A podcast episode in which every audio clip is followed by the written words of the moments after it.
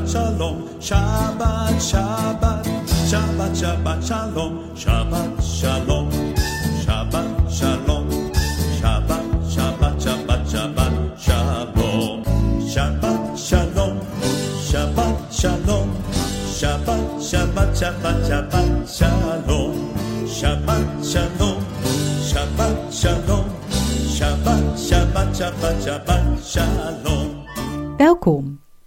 Dit is het leerhuis van Radio Israël. Met elke week de bespreking van een gedeelte uit de eerste vijf boeken van de Bijbel, de Torah, de Haftarah en het Nieuwe Testament. De presentatie is deze week in handen van Tony Jurg. Welkom. Deze Shabbat behandelen we de parasha Naso. Daarvoor lezen we uit de Torah, uit het boek Numeri of Bemidbar, vanaf hoofdstuk 4, vers 21 tot en met hoofdstuk 7, het laatste vers, dat is 89. Uit de Haftara, uit de profetenlezing, lezen we uit Richteren, uit het hoofdstuk 13, de versen 2 tot en met 25. En uit de Brit Gadasha, uit het vernieuwde verbond, het Nieuwe Testament, uit het Evangelie van Johannes, hoofdstuk 12, de versen 20 tot en met 36. De parasha Nasso is de tweede parasha in het boek Bemidbar, Numeri. En met haar 176 versen is dit gedeelte ook de langste parasha uit de hele Torah. De naam van deze parasha, Nasso, zegt reeds iets over de inhoud van deze parasha. Dit Nasso verwijst namelijk naar het begin van dit tekstgedeelte. De eerste Aliyah, tekstgedeelte, betreft de afronding van een telling waarmee reeds in de vorige parasha was begonnen. In de herziene statenvertaling begint de parasha van deze Shabbat dan ook als Neem ook het aantal van de nakomelingen van Gerson op. Hierin is het neem op, de vertaling van het Hebreeuws imperatief naso. Maar deze vertaling verhult enigszins de diepere betekenis. De stam van het werkwoord nassa heeft als een van de betekenissen optillen. Het heeft dan ook verwantschap met het begrip verhogen. En dat is iets anders dan een simpelweg tellen, waarbij een persoon wordt gereduceerd tot enkele nummer waarvan een som moet worden bepaald. We lezen namelijk in de vorige parasha, in hoofdstuk 1, vers 2, neem het aantal op van heel de gemeenschap van de Israëlieten, ingedeeld naar hun geslachten en naar hun families, overeenkomstig het aantal namen, al die mannelijk is, hoofd voor hoofd. En in het vers daarna wordt duidelijk waarom enkel de mannen worden geteld. Het gaat om ieder in Israël die met het leger uittrekt, van twintig jaar oud en daarboven. Maar in de telling van strijdbare mannen uit de twaalf stammen waren de Levieten volgens nummer 1 vers 47 niet meegerekend. De Levieten hadden namelijk een speciale taak om dienst te doen ten behoeve van de Mishkan, de tabernakel. En daarom werden zij apart geteld en gold voor hen zelfs een andere wijze van tellen. Namelijk ieder die in de leeftijd van 30 tot 50 jaar was, zou moeten worden meegeteld. En zoals deze parasha duidelijk maakt, had elk van de families binnen de stam Levi een specifieke taak. Dat lezen we in nummer 3, voor het nageslacht van Gerson in de versen 25 en 26, voor het nageslacht van Kahat in de versen 31 en voor het nageslacht van Merari in de versen 36 en 37. En de priesterdienst in de Mishkan, die was echter enkel voor Aaron en zijn zonen. Dat lezen we in nummer 3, vers 10. En zo ontdekken we dat de kinderen van Israël niet opgaan in een grijze massa, maar ieder een eigen plaats en een eigen taak krijgt.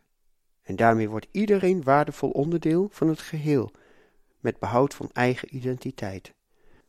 En dat wordt niet alleen zichtbaar bij de Mishkan, maar ook in het kamp zelf. Elk van de stammen had haar tenten opgeslagen onder haar eigen vaandel of banier, nummer 2, vers 2. En dat woord voor vaandel of banier, nisi, heeft weer een direct verband met de titel van onze parasha. Vanaf nummer 5 worden een aantal reinheidswetten gegeven. En ieder die onrein was, moest tijdelijk buiten het kamp verblijven. Natuurlijk had dit met algemene hygiëne te maken. Maar dat was niet de enige reden. Vers 2 geeft aan dat de eeuwige in het midden van hun kamp verbleef en dat hij daarom de verontreiniging van het kamp niet aanvaarde. De eeuwige is immers een heilig God die onreinheid en ontrouw haat. Vers 5 vervolgt dan ook: De eeuwige sprak tot Mozes, spreekt tot de Israëlieten, en zeg: Wanneer een man of een vrouw één van al de zonden van de mens doet, door trouwbreuk te plegen tegen de eeuwige, dan is die persoon schuldig. Zij moeten hun zonden, die zij gedaan hebben, beleiden. Daarna moet hij van zijn schuld de volle waarde vergoeden en er bovendien nog een vijfde deel aan toevoegen. Hij moet het geven aan hem die tegenover wie hij zich schuldig heeft gemaakt. Als we goed kijken naar dit tekstgedeelte, dan valt op dat als iemand een medemens benadeelt, de toren dat ziet als ontrouw ten opzichte van de eeuwige zelf. Eerder lazen we dat de eeuwige te midden van het kamp woonde, en daarmee was hij erg betrokken bij hoe de mensen in dat kamp met elkaar omgingen. Yeshua zei later ten aanzien van het laatste oordeel in Matthäus 25, vers 31 tot 40, dat hetgeen wij aan onze minste naaste hebben gedaan, of nagelaten natuurlijk, we eigenlijk aan hem hebben gedaan. Als we beseffen dat de eeuwige in ons midden is, dan zal dat haar uitwerking moeten hebben in de wijze waarop wij met onze medemensen omgaan. De eeuwige wilde zijn volk Israël niet enkel bevrijden uit de slavernij van Egypte, maar ook dat zij als een lichtend voorbeeld zouden zijn voor alle andere volken. Dat de wijze waarop zij met elkaar omgaan, de mensen om hen heen verlangend zou maken om zich ook te verbinden met die God van Israël. En dat geldt nog steeds, ook voor ons. Immers tegenwoordigen wij als kinderen van de eeuwige, ook niet de eeuwige, naar onze medemens. Laten we luisteren naar een lied Adonai li lo ira. En dat is een gedeelte uit Psalm 118 en met name vers 6. De eeuwige is bij mij, ik ben niet bevreesd. Wat kan een mens mij doen? Adonai li lo ira Maya Adam Adonai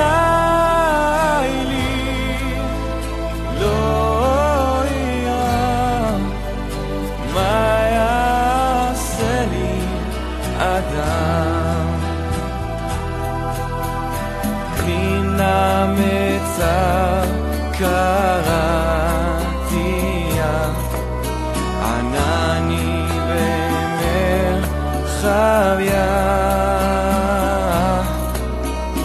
טוב לך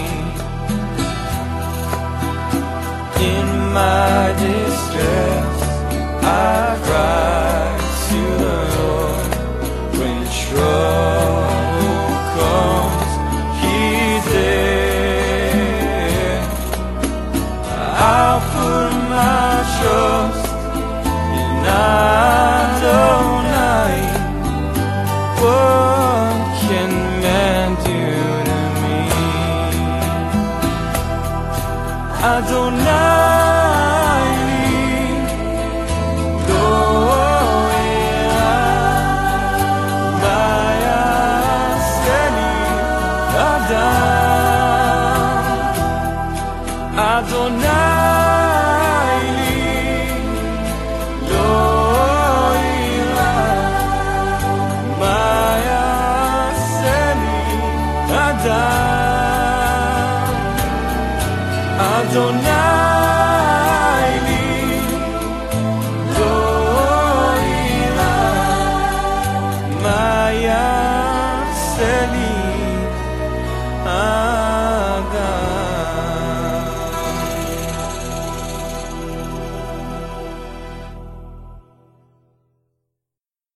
vervolgen nu met het gedeelte uit nummer 5, vers 11 tot en met 31. En bij dit gedeelte wil ik vandaag met u in het bijzonder stilstaan. Dit gedeelte wordt bij oppervlakkige lezing vaak misverstaan, maar blijkt bij diepere doordenking juist een pareltje te zijn. De NBV noemt dit gedeelte de wetten voor het geval van jaloezie. Dat klinkt vreemd, en toch is dat niet zo. Als een man ziet hoe een andere man met zijn vrouw flirt, dan heeft hij het recht om jaloers te zijn, want alleen hij heeft het recht om met zijn eigen vrouw te flirten. Dit soort jaloezie is niet zondig. Sterker nog, het is juist gepast. Jaloers zijn vanwege iets dat van jou is, is goed en gepast. Jaloezie is pas een zonde wanneer dit een verlangen is naar iets dat niet rechtmatig van jou is. En ook de eeuwige is een jaloerse God. Dat lezen we in bijvoorbeeld Exodus 20, vers 5 en Exodus 34, vers 14. Buig niet voor andere goden. Ik ben een jaloerse of naijverige God. De eer en aanbidding komen hem toe, niet een ander. De eeuwige wil behouden wat van hemzelf is. Daartegenover staat de negatieve vorm van jaloezie, zoals in het lijstje van Gelaten 5, vers 20. In de nieuwe Bijbelvertaling staat hier jaloezie, het willen hebben wat van een ander is. In de Statenvertaling staat daar afgunstigheden of afgunst. En ik denk dat dat beter is weergegeven. Maar in het Grieks is er voor beide betekenissen, voor afgunstig zijn of jaloers, hetzelfde woord gebruikt, zelos. Bij de behandeling van dit tekstgedeelte gebruik ik extra achtergrondinformatie uit de Mishnah, zodat de context wat duidelijker wordt. Een beschouwing over dit gedeelte vinden we in de traktaat Sota. Dat is vernoemd naar een klein stukje tekst uit nummer 5 vers 12. Sota kan worden vertaald met als ze is afgedwaald. En in dit traktaat vinden we uitgebreide informatie over hoe men in de tijd van de Tweede Tempel omging met de instructies uit de parasha van deze week. Als eerste wordt duidelijk dat de gang naar de priester altijd het laatste redmiddel was om uitsluitsel te geven indien er twijfel was over de trouw van de vrouw aan haar man. Het is een soort ultieme waarheidstest. Verder is het zo dat deze test afhankelijk was van de tempel. Na de verwoesting van de tempel kon deze niet meer worden toegepast.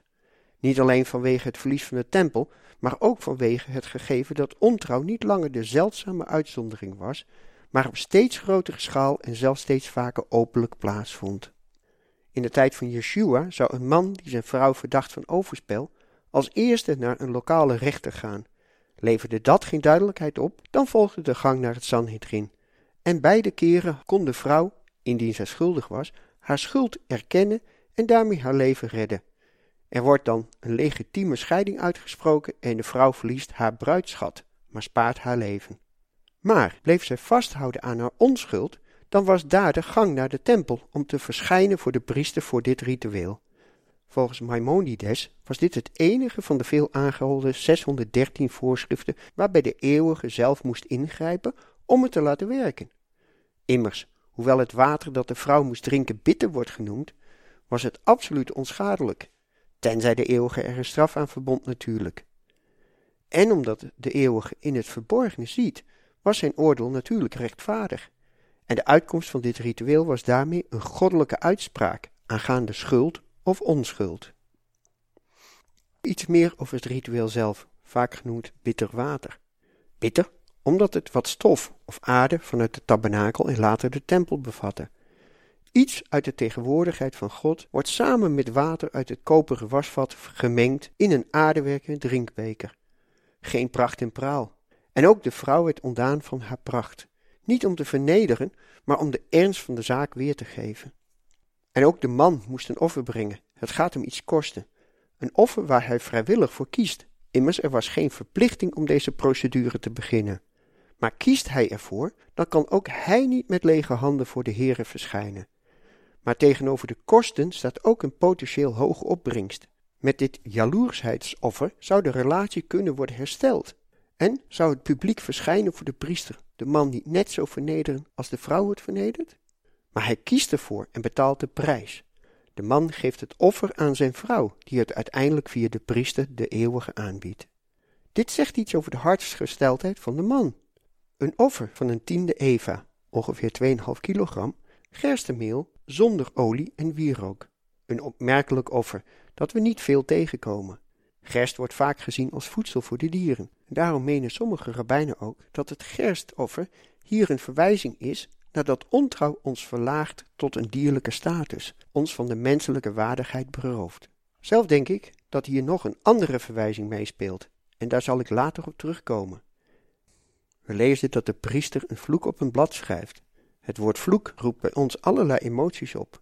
In het traktaat Sota lezen we dat de vloek in beginsel gewoon bestond uit een deel van de tekst die we net hebben gelezen in nummer 5. Dus niet een vervloeking of toverspreuk.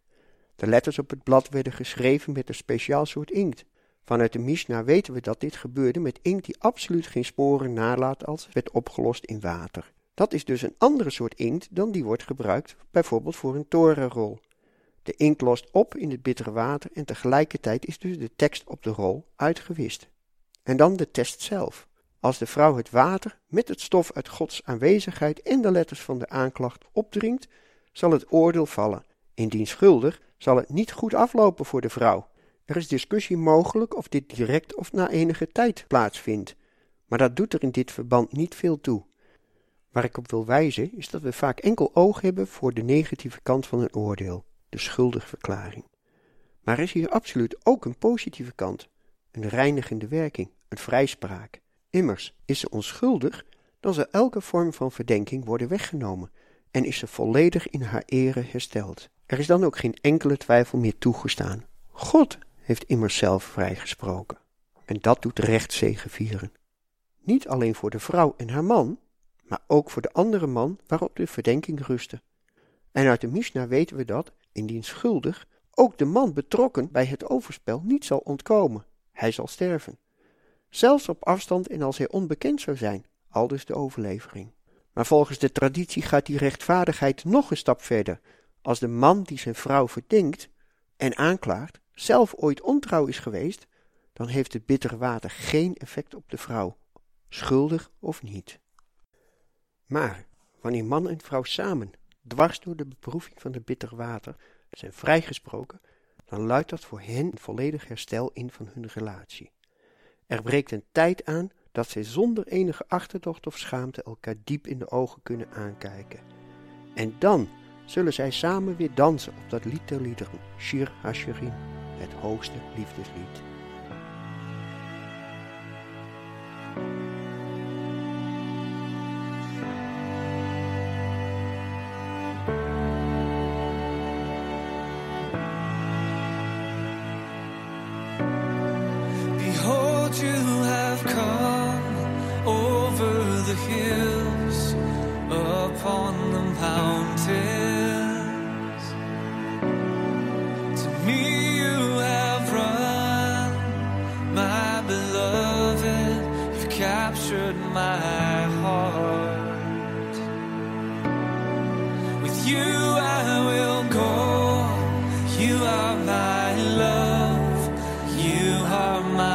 and.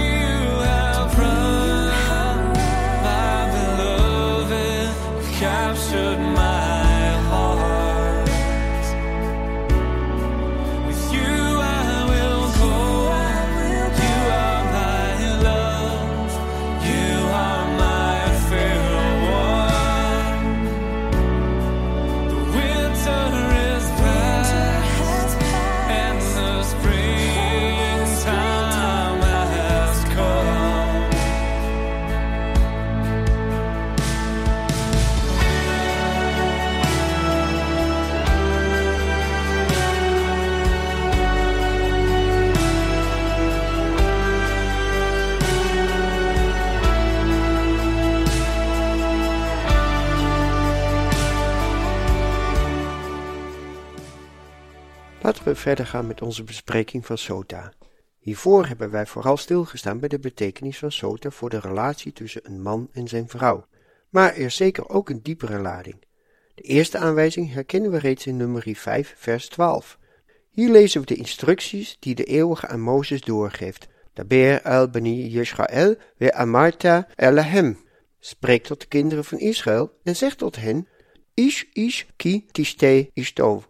Dat is wat lastig te vertalen. Er staat immers zoiets als, als de vrouw van een man, man afdwaalt.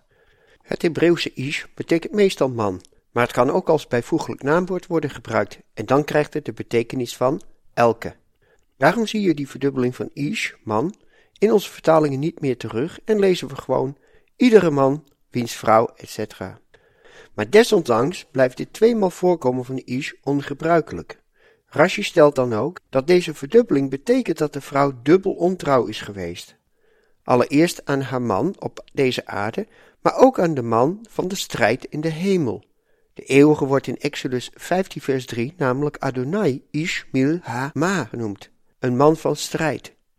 De eeuwige als man van zijn volk is geen vreemde gedachte, zelfs niet in relatie met een sterk verlangen, ja, zelfs jaloersheid.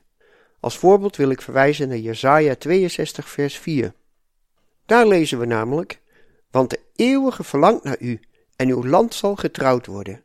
En zo zijn er nog veel meer verzen uit de Tenach die spreken over het land en volk Israël als bruid van de eeuwige.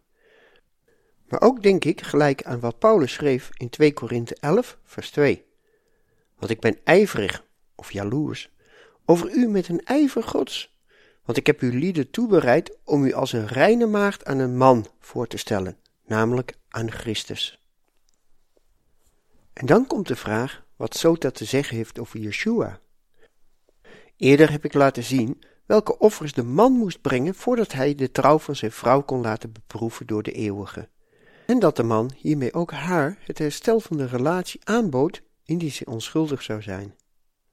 Maar hij moest zelf wel bewust ervoor kiezen om ook een weg van vernedering te gaan. En precies daarin herkennen we iets van die houding van Yeshua. Die koos uit liefde ervoor om de weg van vernedering te gaan. Alleen hij gaf een nog veel groter offer, zichzelf. Ik heb erop gewezen dat het jaloersheidsoffer bestond uit gerst. Is het niet opmerkelijk dat Yeshua, nadat hij uit de doden was opgewekt, op de dag na de Shabbat zichzelf als eersteling aan de Vader presenteerde, en dat dat op hetzelfde moment was dat de priester volgens Leviticus 23 vers 11 een schoof gevormd uit de eerste gerstenoogst voor het aangezicht van de eeuwige bewoog? En waartoe deed de priester dat? Tot genoegdoening van het volk. En evenzo onze hoge priester Yeshua, die zich als eersteling uit de doden presenteerde, zodat velen zouden volgen. Hierover lezen we onder andere in 1 Korinthe 15, de versen 20 tot en met 22. Bij deze parasha lezen we deze Shabbat uit het Evangelie van Johannes, hoofdstuk 12, de versen 20 tot en met 36. Hierin lezen we de woorden welke Yeshua vlak voordat hij zou lijden, sterven, opstaan, uitsprak. In vers 23 en 24 spreekt hij uit: Het uur is wel gekomen dat de mensenzoon verheerlijkt wordt. Maar het is vast en zeker, zeg ik u, als de graankorrel niet valt in de aarde en sterft, dan blijft hij alleen. Maar als hij sterft, draagt hij overvloedig vrucht. Ik heb hier bewust de vertaling uit de Nadense Bijbel genomen, vanwege hoe hier het Griekse woordje cytos is vertaald. Dat woordje cytos verwijst namelijk naar graan in het algemeen. Maar in veel vertalingen wordt dit echter weergegeven als tarwe, maar dat is een specifiek soort graan. Denk daarbij maar aan dat gezegde van elke koe is een dier, maar niet elk dier is een koe. Nu maakt dat voor het principe van het sterven om veel vrucht te dragen niet zoveel uit. Maar wellicht zien we daarmee ook mogelijk wel iets belangrijks over het hoofd. Het lijden, sterven en opstanding van Yeshua vond namelijk plaats rondom de oogst van gerst, hetgeen ook een graan is. Als we die verbinding herontdekken, hoeveel meer diepgang krijgt deze uitspraak van Yeshua dan? Als Sota inderdaad iets zegt over Yeshua, zegt het daarmee ook iets over Israël en ons als gelovigen uit de volken die onze hoop hebben gevestigd op de God van Israël. Maar hoe kan het dan ons hoop geven? Misschien kunnen we onze huwelijkstrouw ten opzichte van onze eigen man of vrouw nog bewaren in de meest letterlijke zin. Maar als we in ogenschouw nemen hoe Yeshua in de bergreden over overspel spreekt, dan vallen de meesten van ons al snel af. Zijn er überhaupt wel onschuldigen? Als we spreken over Yeshua als onze man, gaat het dan niet over toewijding op alle gebieden van ons leven? Is het niet opvallend dat direct na Sota we in nummer 6 lezen over de regels van de Nazarenengelofte? Dat was meestal een vrijwillige keuze tot tijdelijke toewijding aan de eeuwige. Maar het kon ook, zoals in onze Haftara-lezing, levenslang of vanaf de geboorte. Maar is een volledige toewijding aan de eeuwige wel haalbaar? Of vallen we ook wel eens, zoals Simpson in de Haftara-lezing? Het beangstigende is dat bij Sotes slechts één misstap van de vrouw genoeg was om haar te veroordelen. Waar is dan de plaats van genade? Eerder heb ik aangehaald dat de Mishnah aangeeft dat de priester een tekst op een blad schrijft met inkt die geen sporen naliet nadat deze in het bittere water was opgelost. Dat lijkt op wat we lezen in Colossense 2, versen 13 tot en met 15, waar staat dat Yeshua het handschrift dat tegen ons getuigde heeft uitgewist. Maar dat is toch niet hetzelfde. In Colossense staat het Griekse woordje gerografon, handschrift, en in nummer 5 vers 23 staat in de Septuagint, de Griekstalige Tenach, het woordje biblion. Yeshua wist aan het kruis niet de Torah van de eeuwige uit, maar de lange lijst met al onze tekortkomingen, al onze zonden. Gelukkig maar, want zelfs het uitwissen van de tekst uit de Torah, zoals in Sota gebeurde, maakte die Torah-tekst nog niet krachteloos. En ik denk dat er nog iets anders meespeelt. Paulus schreef in 2 Korinthe 5, vers 21: Hem, dat is Yeshua, die geen zonde gekend heeft, heeft Hij, de eeuwige, voor ons tot zonde gemaakt, opdat wij zouden worden gerechtigheid in Hem. Het verlangen van Yeshua, de jaloezie naar zijn bruid, was zo groot dat hij alle ongerechtigheden van haar heeft laten overgaan op zichzelf. Uit liefde gaf hij dat ultieme jaloersheidsover, zijn eigen leven, om de relatie weer te herstellen. En zo bracht de gerstkorrel, die in de aarde viel, in het graf werd gelegd, opstond en verhoogd werd door de Vader, uiteindelijk veel vrucht voort. En u en ik mogen daar een onderdeel van uitmaken. We hebben deze Shabbat vooral stilgestaan bij het gedeelte over Sota.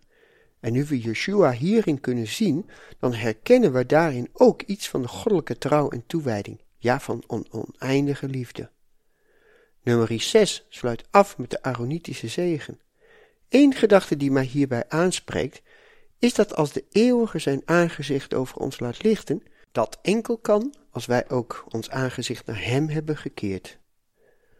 Vanuit de kant van de eeuwige zie ik vooral liefde, of mag ik naar aanleiding van Sota zeggen jaloezie. De priesterzegen toont aan dat de eeuwige ernaar verlangt dat er shalom zal zijn, heelheid en herstel. En hoe mooi is het dat hij zelf in Yeshua HaMashiach die weg tot herstel voor een ieder mogelijk heeft gemaakt die daarop wil ingaan. Alleen omdat onze man, Yeshua, al onze schuld op zich heeft geladen, kunnen wij zonder schaamte ons aangezicht naar de eeuwige richten. En zo kan hij ons genadig zijn, kan hij ons zijn vrede schenken zijn shalom. Laten we luisteren naar de priesterlijke zegen zoals Joshua Aaron dat nu voor ons zal gaan zingen. Ik wens u een gezegende Shabbat.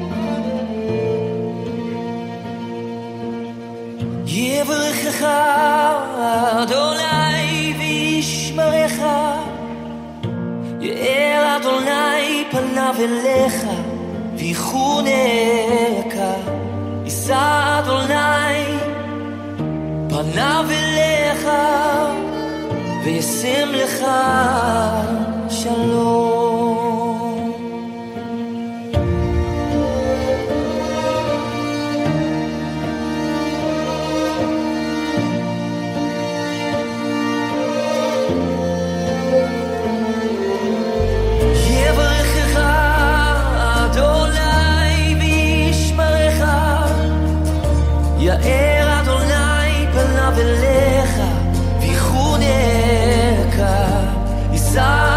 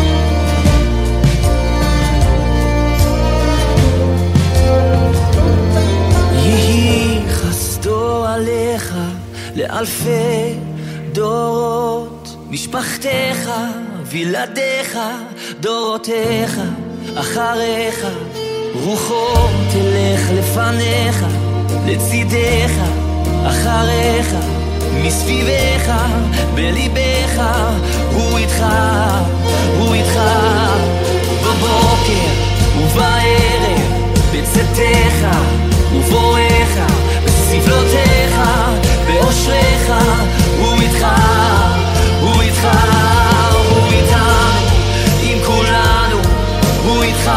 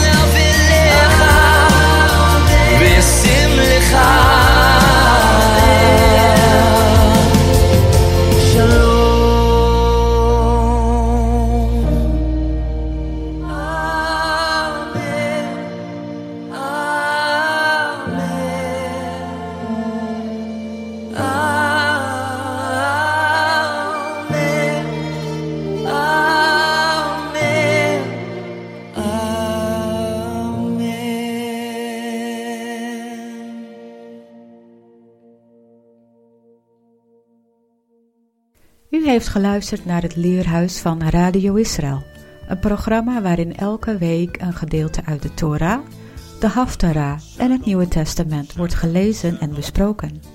Wilt u het programma nog eens naluisteren, dan kan dat. Ga naar radioisrael.nl en klik onder het kopje radio op uitzending gemist. Shabbat, Shabbat, Shabbat, Shabbat, Shalom, Shabbat, Shabbat, Shabbat, Shabbat, Shalom, Shabbat, Shalom, Shabbat, Shalom, Shabbat, Shabbat, Shabbat, Shabbat, Shalom, Shabbat, Shalom, Shabbat, Shalom, Shabbat, Shabbat, Shabbat, Shabbat, Shalom, Shabbat, Shalom, Shabbat, Shalom. Shabbat, Shabbat, Shabbat, Shabbat, Shalom.